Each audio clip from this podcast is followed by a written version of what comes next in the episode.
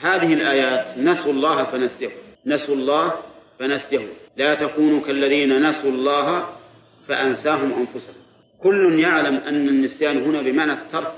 أما النسيان بمعنى الذهول فإن الإنسان لا يؤاخذ عليه. هل يؤاخذ الإنسان على النسيان بمعنى الذهول؟ لا. ربنا لا تؤاخذنا إن نسينا وأخطأنا فقال الله تعالى قد فعلت.